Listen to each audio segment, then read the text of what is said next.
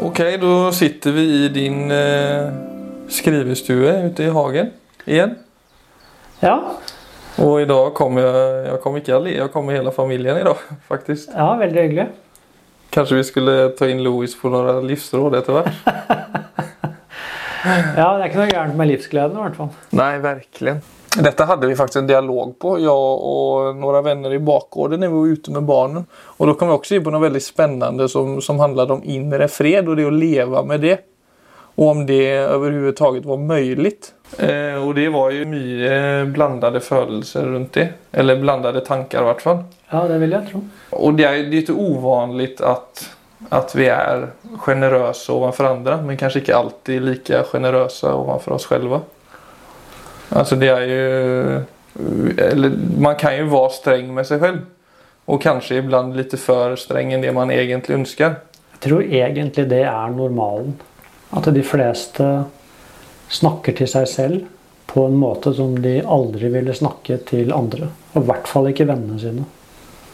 Nej, och det är lite sån, jag borde fått det till, jag kanske borde se sånn ut, jag, Ja, vi tolererer livet borde vært enklere. Det er veldig mye stemmer, og når den ene stemmen går vekk, så kan det fort skje at neste haker seg på. Ja. Jeg tror det er veldig, veldig vanlig å ikke Altså tolererer ikke å gjøre feil. Og at standarden for hva som er feil, er veldig, veldig høy. Så det å si noe dumt eller gjøre noe dumt eller ikke prestere sånn som man hadde håpet, så er det jo veldig vanlig at sinnet vender seg mot en selv. Akkurat som sinnet går til angrep. Ja, for det er litt å være i krig nesten? Ja, det På en blir jo absolutt eh, å leve i indre konflikt. Mm.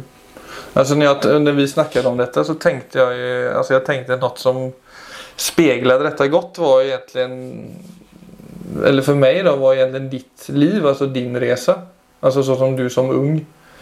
Som hade, eller det ska du få sätta ord på själv, men för att bara göra det enkelt, en viss förvirring inför livet och existensen. Och du valde att bli munk i fyra år.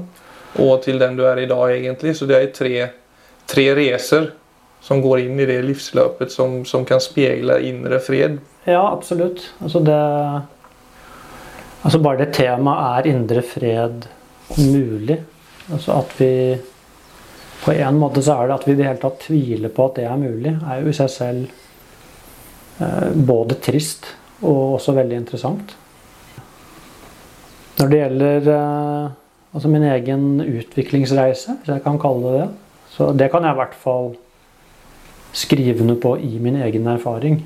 At Mm. indre fred er mulig. For det, det er noe som, eh, som jeg i dag lever med. Og som eh, jeg har veldig vanskelig for å tenke meg ikke skulle være der. Altså hva slags liv det da eventuelt skulle ha vært. Altså, jeg tror det er vanlig at folk Jeg tror mange kan kjenne at det ikke nødvendigvis er mulig, eller at det er Ja, så absolutt. Altså, hvis jeg skal gå tilbake til Eller at det nesten kan være provoserende å høre noen si at jeg går rundt og lever med indre fred. Hva, hva får du det fra?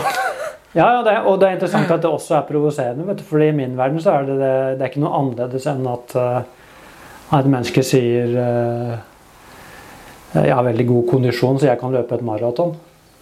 Det er sånn uh, Ja, selvfølgelig, hvis du trener, hvis du trener Ja. veldig mye, så får du god kondisjon. Men vi tenker ikke sånn når det gjelder altså det mentale livet vårt. Vi, vi ser ikke at det at sinnet også eksisterer etter et sett med lover. Altså et sett med naturlover. Akkurat som det er med, med kroppen. Så alt Det vet vi jo veldig tydelig. Alt du putter i kroppen, det må kroppen fordøye. Så hvis du Mm. stapper inn ting i kroppen som er vanskelig fordøyelig, så vet du at du, at du får problemer. Både med fedme og med sykdom og sånne ting etter hvert. Men vi stapper alt mulig inn i sinnet og tror ikke at det får noen konsekvenser. Men alt du stapper inn i sinnet, det må også fordøyes. Så jeg ble jo munk i en alder av eh, 22 år.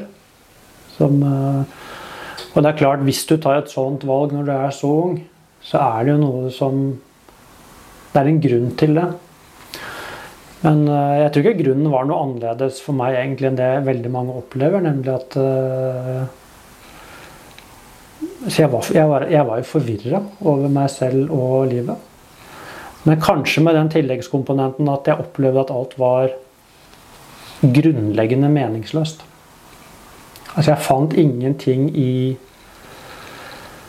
i det, skal si, det narrativet som eh, samfunnet ga meg, som jeg syns var Men Var det noe som kom plutselig for deg, eller var det mer noe som liksom Jeg tror det var en gradvis greie. Men uh, det kom jo ganske tidlig. Sånn at, og kanskje også fordi jeg Jeg hadde jo Jeg hadde alt det som man såkalt skulle ha for å ha det godt. Ja. Jeg, så, så på en måte så hadde jeg de tingene som samfunnet fortalte meg. Hvis du har dette, så er du heldig. Da har du et godt liv. Og jeg hadde alle de ytre tingene på plass. Og så hadde jeg likevel det sorte hullet av meningsløshet inni meg. Og da visste jeg det at her er det noe som er eh, fishy. Altså, jeg kan ikke stole på hva andre sier, for jeg ser det, det, er noe her som ikke, det er noe som ikke stemmer. Og det ga meg jo en, eh, en liten krise, selvfølgelig, for jeg kunne ikke stole på det andre sa, og jeg visste ikke selv hvor svarene var. Så, men samtidig, det gjør jo at du blir søkende. Og at du, i hvert fall i mitt tilfelle, så fikk jeg eh, litt mer mot. For jeg var eh, grunnleggende ganske engstelig fyr. Så hvis ikke dette hadde skjedd meg, så vet jeg ikke om jeg noen gang ville kommet meg ut av Horten, egentlig. Jeg, ville, jeg var ganske trygghetssøkende. Men, eh, men den krisen ga meg også en del angst. Og det er rart å tenke, men angsten ga meg faktisk mot. Og det motet jeg fikk, det var til å bare pakke sakene mine og reise. Som, eh, så jeg reiste, skulle reise jorda rundt sammen med to venner. Mm. Og det var, ikke noe, det var virkelig ikke noe sånn åndelig søken i den reisen i det hele tatt. Vi skulle bare ut og Ut oppleve gutta. verden. gutta på tur. Ja. Med en liten krise i bagasjen. Da. Ja, med en krise i bagasjen. Men som selvfølgelig hadde også så Reiselitteraturen var jo stort sett altså bøker rundt vestlig filosofi. Liksom Klassikeren i litteraturen var den type ting jeg prøvde å finne svar i. Men halvveis i den turen så kom vi tilfeldigvis Altså vi var i India og kom tilfeldigvis til Dharamsala, som er eh, der hvor Dalai Lama bor. Med og Det er jo som en sånn liten mini-Tibet. Det er jo en veldig liten landsby, men den er jo full av munker, og det er masse klostre der. og Det er et helt annet type samfunn enn jeg noen gang hadde opplevd. Og, og vi kom når så Da holdt Dalai Lama en uke med forelesninger, og de var uh, åpent. Det var på en sånn svær plass foran hans uh, residens. Og det ble oversatt til engelsk. Så så han satt og snakket tibetansk, og så satt eh, jeg med en Walkman. Så det er jo såpass lenge siden. Og hørte på dette på, dager, ja, hørte på kortbølgeradio. Ja. Og når han, altså det han snakket om, var jo altså buddhismens filosofi og psykologi, som i stor grad sentrerer seg rundt dette med tilstedeværelse. Mm. Og utviklingen da av, av eget sinn. Altså, og egentlig grave fram da, altså dypere lag av vår bevissthet. Og det rare var Da kjente jeg altså det var sånn smekk. Så kjente jeg mening. Altså for første gang på så lenge jeg kunne huske. Altså jeg kjente dyp passion Ja, ja, ja. for tematikken. Jeg bare kjente ah, det var som å få mat. Det var som å få næring helt inn for første gang på så lenge jeg kunne huske. Og det er jo ganske interessant. Bare sånn for å reflektere rundt hva er et menneske? altså Hvor kommer det fra?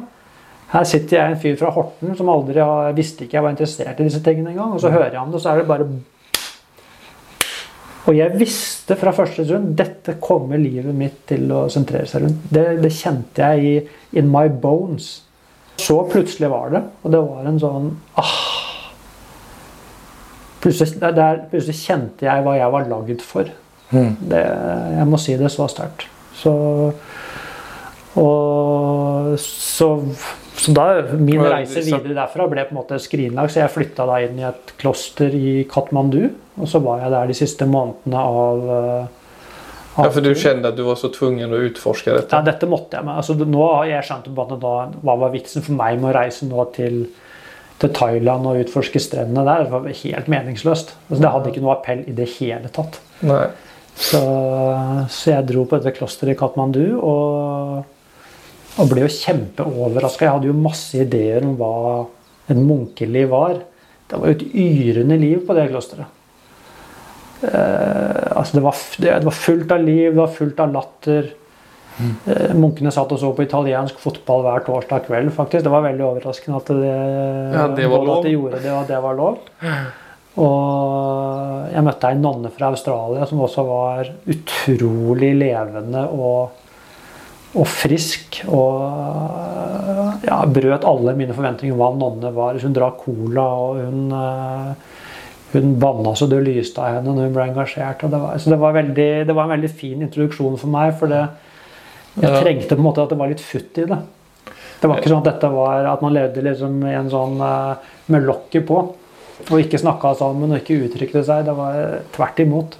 Ja, Det var litt annerledes enn min opplevelse av det. Ja. Det var veldig annerledes. Så, men samtidig så var det jo altså denne dype innsikten inn i menneskesinnet som, uh, som også var der. Så, så, så, der hadde jeg jo Der lærte jeg meditasjon. Jeg lærte begynte å få måte, mine første innsikter inn i den buddhistiske filosofien. Så det så da reiste jeg hjem og så prøvde jeg å, så gikk jeg på Blindern og prøvde å studere religionshistorie. Men da fikk jeg på en måte bare den utvendige beskrivelsen av hva dette er for noe. Og for meg så ble det ble jo Jeg ble nesten deprimert. altså Det var helt forferdelig. Så, så, jeg reiste rett tilbake til India, så ble jeg munk da. Så det var bare et halvt år etter det første møtet med Dalai Lama, så, så ble jeg munk. Så så det var på en måte en sånn Jeg kan ikke si det var et ekstremt valg, det var et dramatisk valg. Men det var, eh, det var også et enkelt valg.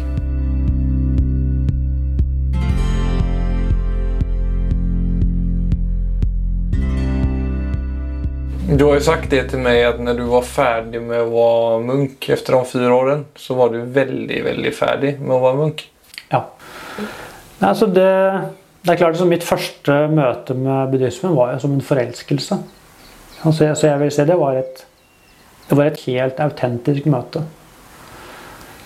Eh, men så oppdaget jeg jo etter hvert at, i, at buddhisme er jo også en religion.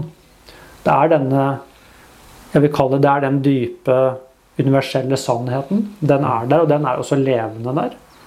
Men det er jo også blitt et trossystem hvor det er masse kulturell bagasje og Hierarki, kanskje? Ja, alt som er i alle trossystemer. Mm. Eh, og etter hvert som jeg landa inn i det, så ble, jeg mer, ble veldig, var veldig forvirrende for meg at det var begge deler.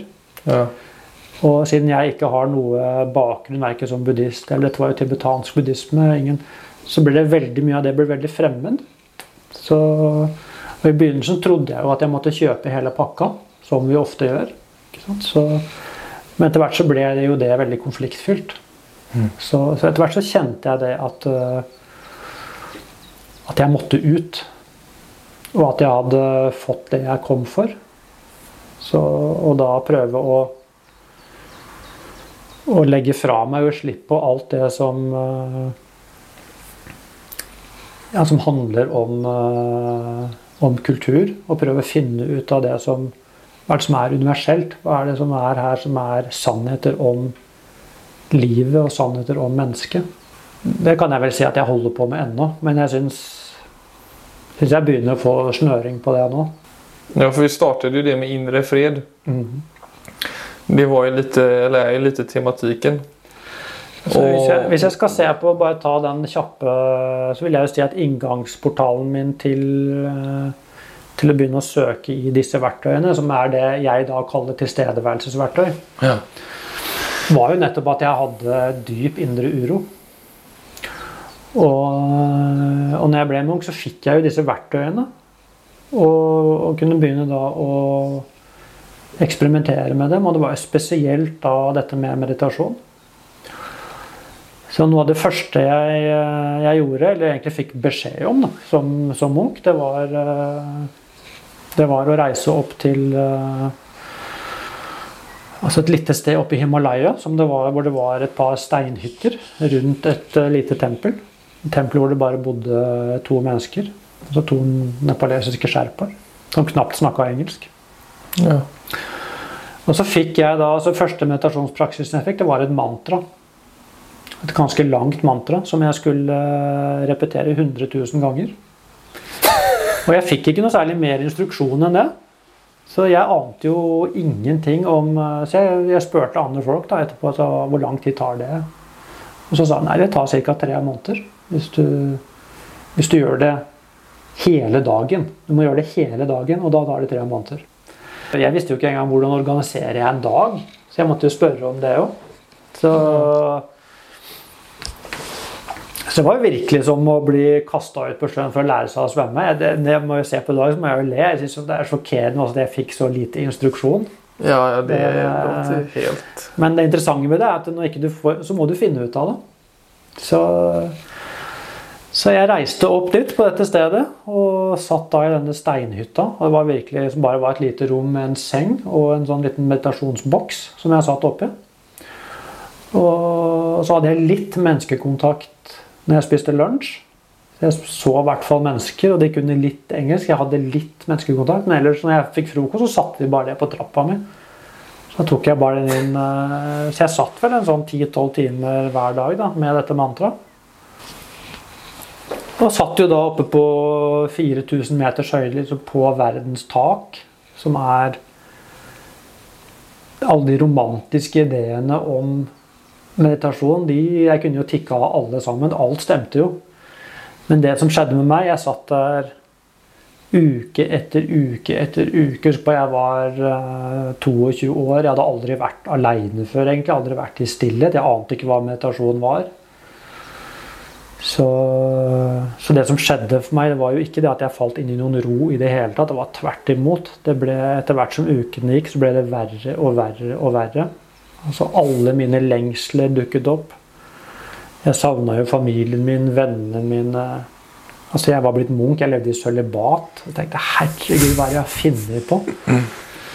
Og, og, så det var den ene ting. Altså alle disse lengslene. Men det kom veldig fort, eller? Ja, det i kom prosessen? ganske fort, men det ble jo verre og verre etter hvert som ukene gikk. Du kan tenke deg Jeg var jo i isolasjon. Ja, ja. Og så kom jo det andre som er veldig interessant. Alt Jeg tror alt det dumme jeg noen gang hadde sagt, alle tingene jeg hadde gjort som jeg på en eller annen måte angret på eller skammet meg over, alt det dukket opp. Og, og jeg ante ikke hva jeg skulle gjøre med det. Det var jo helt forferdelig. Så jeg satt jo på en måte sånn og, og kokte i, i min egen uro, egentlig. Og min egen skamfølelse og min egen forvirring. Og jeg kan si det er seks uker med det. Det er lenge. Da, da går tiden sakte.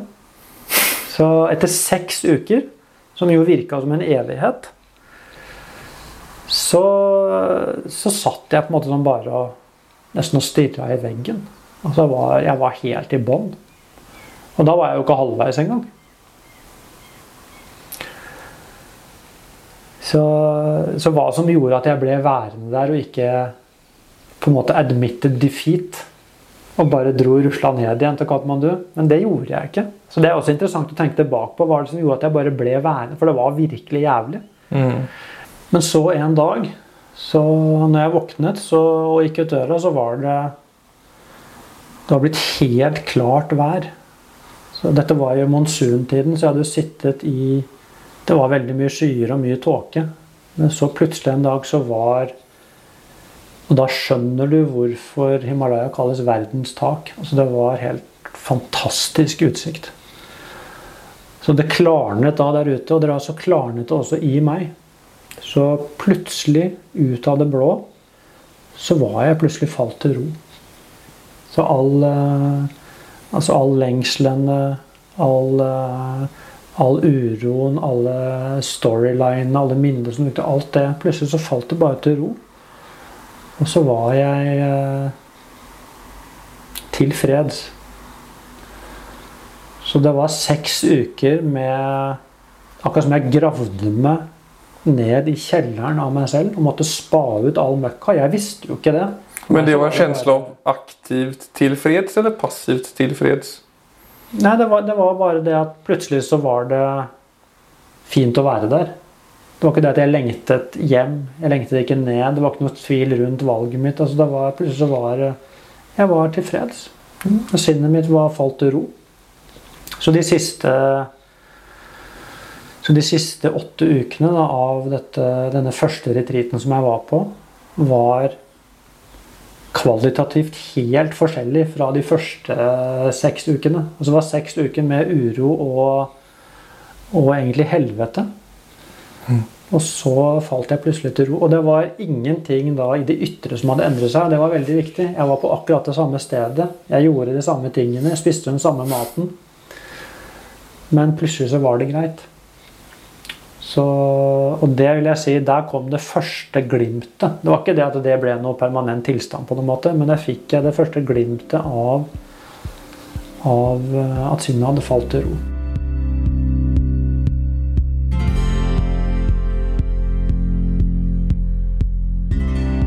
Når du faller til ro, så vet du i din egen direkte erfaring at du er ikke dine tanker. Du er heller ikke dine følelser. Så tanken er et instrument som mennesket har. Det er et instrument du besitter. Og det er et fantastisk instrument. Og jo mer du faller til ro, så blir det et instrument du kan bruke med presisjon. I uro så er det innimellom at det instrumentet bruker deg mer. At, uh, at tankene hopper fra det ene til det andre, og så henger vi etter på slep. Og hvis, eh, hvis, det da er masse tanker av uro eller det er selvkritiske tanker eller det er bekymring, så hopper sinnet fra det ene til det andre. Hvis man ikke da styrer det, så blir man slave av hvor tankene hopper. Ja, det, det sånn trenger det ikke være. Nei, for jeg kan se, altså jeg kan tenke på det altså, alltså just det at vi kan være klar over at vi faktisk tenker det er jo et godt nok bevis at vi ikke bare er våre tanker. Ja. Altså det er jo på en måte et bevis at det er et tenkende ja, men det er også et observerende ja. Absolutt. Og det forholdet der er vel også noe av det som kan frigjøre oss fra tankekjør, fra kjenslostrømmer, altså fra veldig mye av den aktiviteten som hele tiden nagger og tar oss vekk fra det vi kanskje tycker er viktig ja. i livet. Absolutt. Det er uh, Altså, hvis alle Men er det klar Er det, er det, vel, er det är det også noe som man snakker for lite om, egentlig? Alltså den relasjonen mellom det at det faktisk er så at det er en kvalitet i oss som er et observerende ja, og så er det våre tanker som du skulle kunne si er vårt tenkende ja, på en måte. Altså, det er ikke bare at vi snakker for lite om det, vi snakker ikke om det i det hele tatt. Så det er jo et kjempeproblem. For at vi jeg vil jo si at det er det som gjør oss til mennesker. Det er, Den kvaliteten der? Ja, det er det som skiller oss fra liksom andre dyr. Faktisk, det er vår erkjennelsesevne. Som de sier i uh, gresk filosofi. Altså, men, hva, er mennesket? Mennesket er et erkjennende dyr. Vi har en dyrenatur som, uh, som vi kanskje i moderne språk ville sagt en biologisk natur. Mm. Som vi deler med alle andre dyr. Men så har vi også en erkjennende natur. Og det for meg det er tilstedeværelse. Som gjør at vi kan se på alt det vi inneholder. Også våre tanker og følelser. Så hvis du undersøker, så vil jo alle se det at Nei, jeg er jo ikke tankene mine, for jeg kan jo observere dem. Ja. Alle vil jo, Hvis du undersøker, så kan du si ja, klart jeg kan, ja, jeg kan jo observere tankene mine. Og hva med følelsene mine? Kan jeg observere dem? Ja, jeg kan også observere følelsene. Eller legge merke til. Da, for å Legge merke til, ja, som er det samme. Ja. Men så vil du se det ofte når du blir stressa, eller at du blir emosjonell, at det vekker sterke følelser, så vil du se det at, at uh, oppmerksomheten har en tendens til å smelte sammen med tankene og følelsene. Altså det uh, Innenfor uh, den kognitive psykologien så kaller de ofte det som cognitive fusion. Altså du fusjonerer med tankene og følelsene.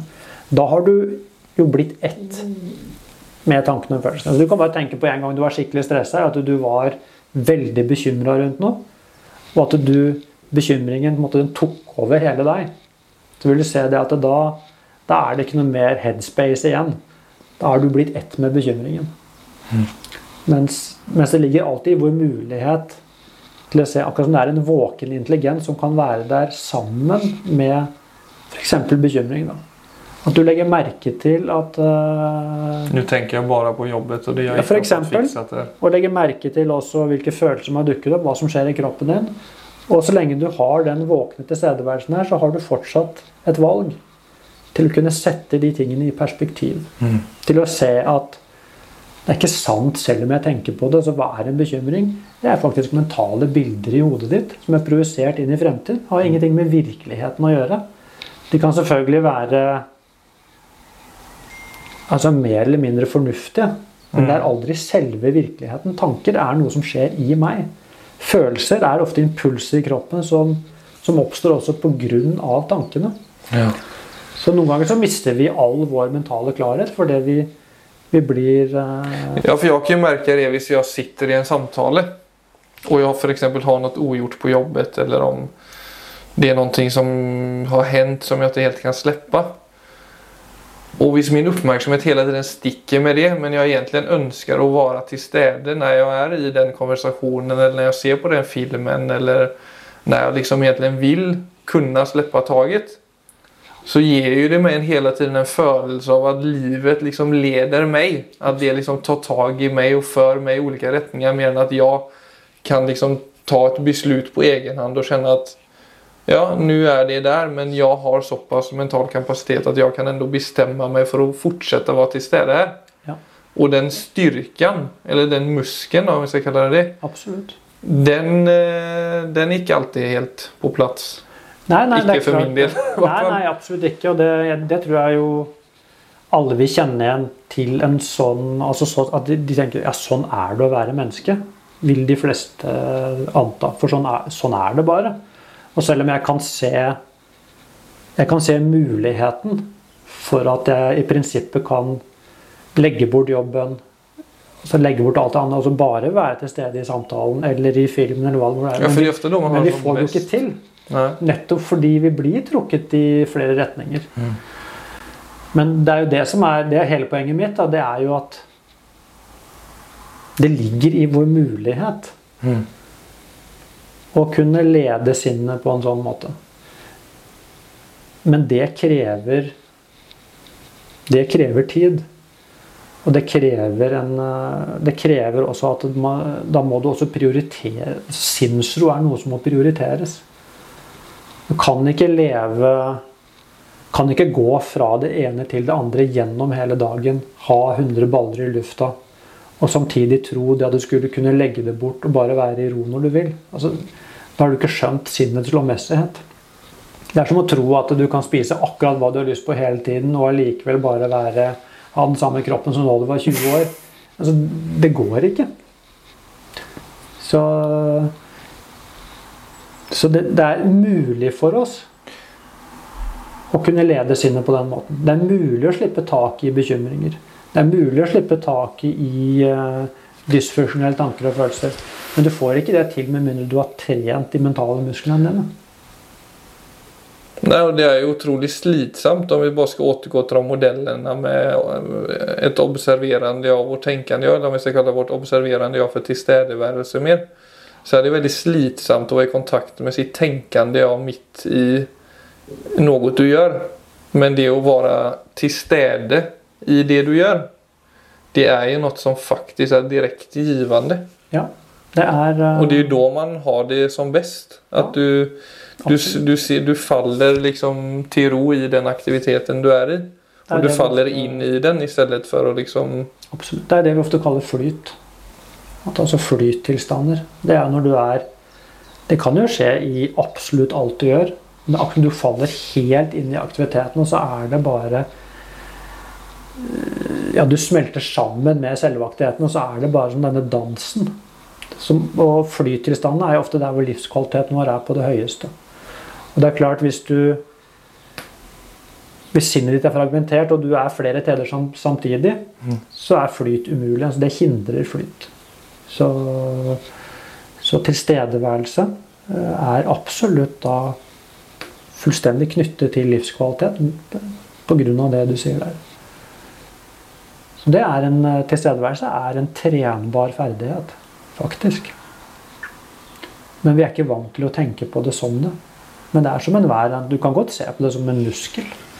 Og den muskelen, den, eh, hvis du trener den litt hver dag, Mm. så blir den muskelen sterkere. Og når den muskelen er sterkere, så er det også for det er det lettere for meg å legge merke til hva jeg holder på med. Mm. Og da slippe tak i ting som egentlig er overflødig. Det å faktisk klare å gi slipp på bekymringer.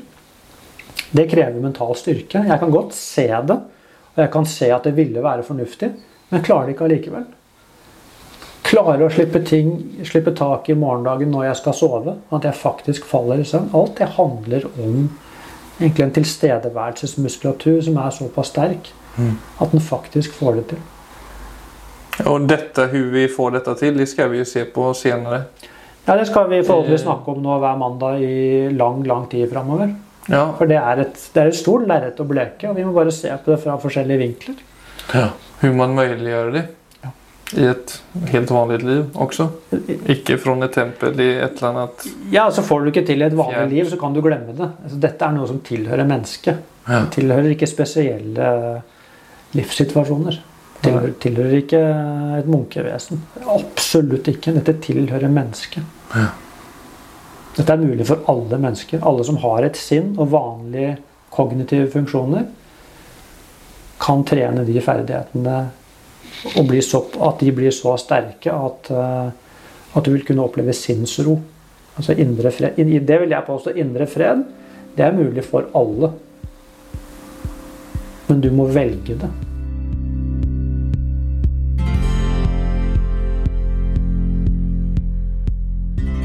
Sen sist så har vi skaffet oss en Facebook-sida som heter Mindfulness med Viggo og Filip. Här får ni väldigt gärna komma in och ha en dialog med oss. Och vi postar både avsnitt och allt annat som skulle kunna vara aktuellt. Och så har vi en mail. Där kan man också ta kontakt. Viggo och Filip gmail.com. Hit kan man ju bara vända sig för vad som helst. Alltså tankar runt podden, avsnittet som har varit tematiker man skulle vilja höra om i framtida avsnitt. Så, så for vår del er det bare, både det gjelder Facebook og den mailen så er den dialogen med er väldigt inspirerende for oss.